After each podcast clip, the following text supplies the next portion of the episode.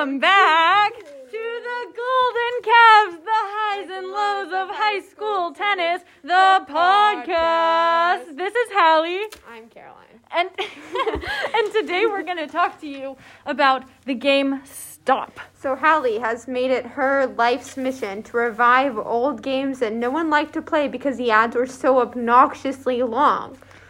Yes, but they are amazing, they are wonderful, and they make my life complete. So, today we are going to discuss the best stop categories, Yeah. our favorite and funniest stop experiences, Mm-hmm. and hopefully get you in on this addiction. Yeah. Yeah. Okay. So starting off with our favorite stop letters. So my favorite stop letter to play has historically been P because I feel like it's easy to remember things that start with a P. Um, my favorite stop letter to play has been H because Your name is Hallie. My name is Hallie, and pretty much every single one of my answers is some form of the words Hallie, hippo, or hair, and it's it's worked for me every time. I think like one of the best parts about Hallie is how much she resembles a hippo in spirit. Thank you, Caroline. I really take that. Actually, you know what? If you're listening to this, go play me and stop. My username is Hippo Hallie one two three. Hippo Hallie one two three. I look one more forward. time. Hippo Hippo Hallie Hallie, one one, two two, three. three. Yep. Thank you. Yep. Um, okay, let's move on to our favorite recent stop experiences. Would you like to go first? Um, I would like to say my favorite stop experience was yesterday. I was playing an anonymous user, not actually anonymous, just anonymous because I don't want the famousness of our podcast to reveal their like personal information. course. So this anonymous user you had the word W and instead of putting wrist for a body part, they put weenus. That that is a great one. Can we hear some reactions from the crowd? Thank you, thank you. We're recording in front of a live audience today. Yes, it's actually our first podcast with a live audience, unless you count Jothi, who was the sound engineer behind our first podcast. God bless Jothi. Okay, and now for my favorite stop experience. I would have to say it was yesterday, again, an anonymous user. Um, I was playing her, and the letter was N, and the category was Hollywood Walk of Fame, so you're supposed to name somebody famous, and she put Justin. Let me repeat that. The letter was N, and she put Justin. Not even Nustin. Just She put Justin. and I actually confronted her about it recently, and she says she does not recall typing Justin. But I have screenshot for proof, so you know what? You can you can reply to our podcast if you would like the picture. I think we often say that games and other things we do in our free time are like very important cultural symbols and very valuable to the way in which we operate our life. I would not say the same thing about stop.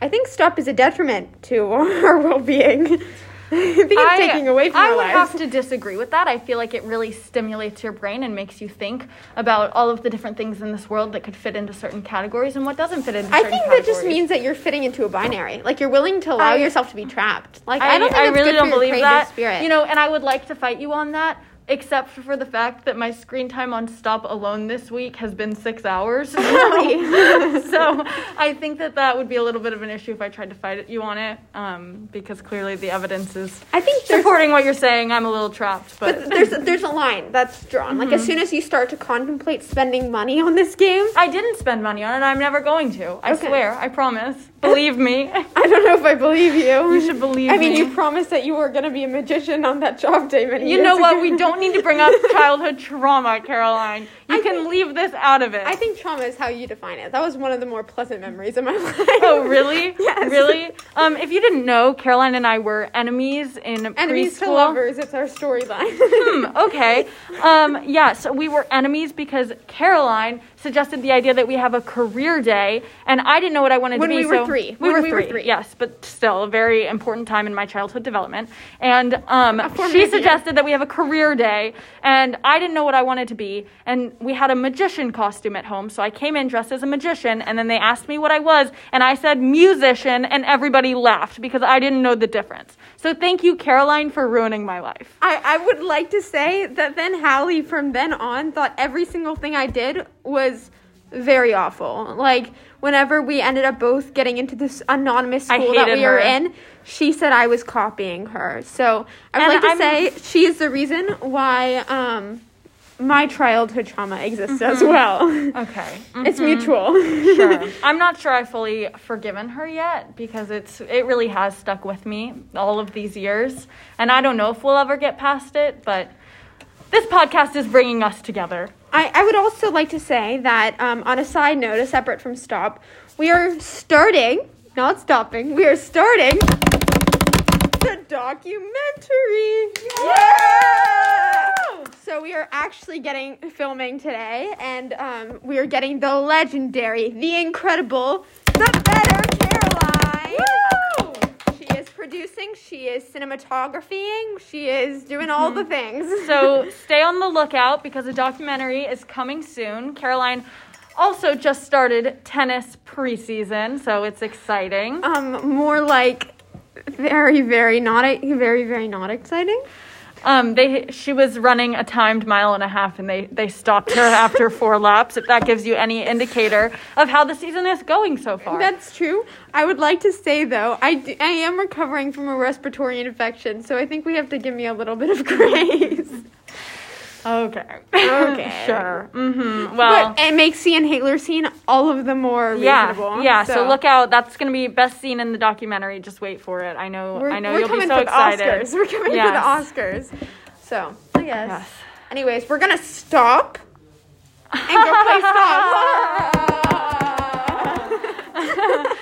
All right. Well, that's all we have for you today, guys. Cue Don't us out, forget. keep your inhalers on you. Go download Stop. It's Hippo Lover one Hippo Hallie one two three. Play me. And don't forget about our documentary. It's coming soon to a computer screen near you. Thank you. Bye Bye. This has been the Golden Cavs, the highs and lows of high school tennis, the podcast.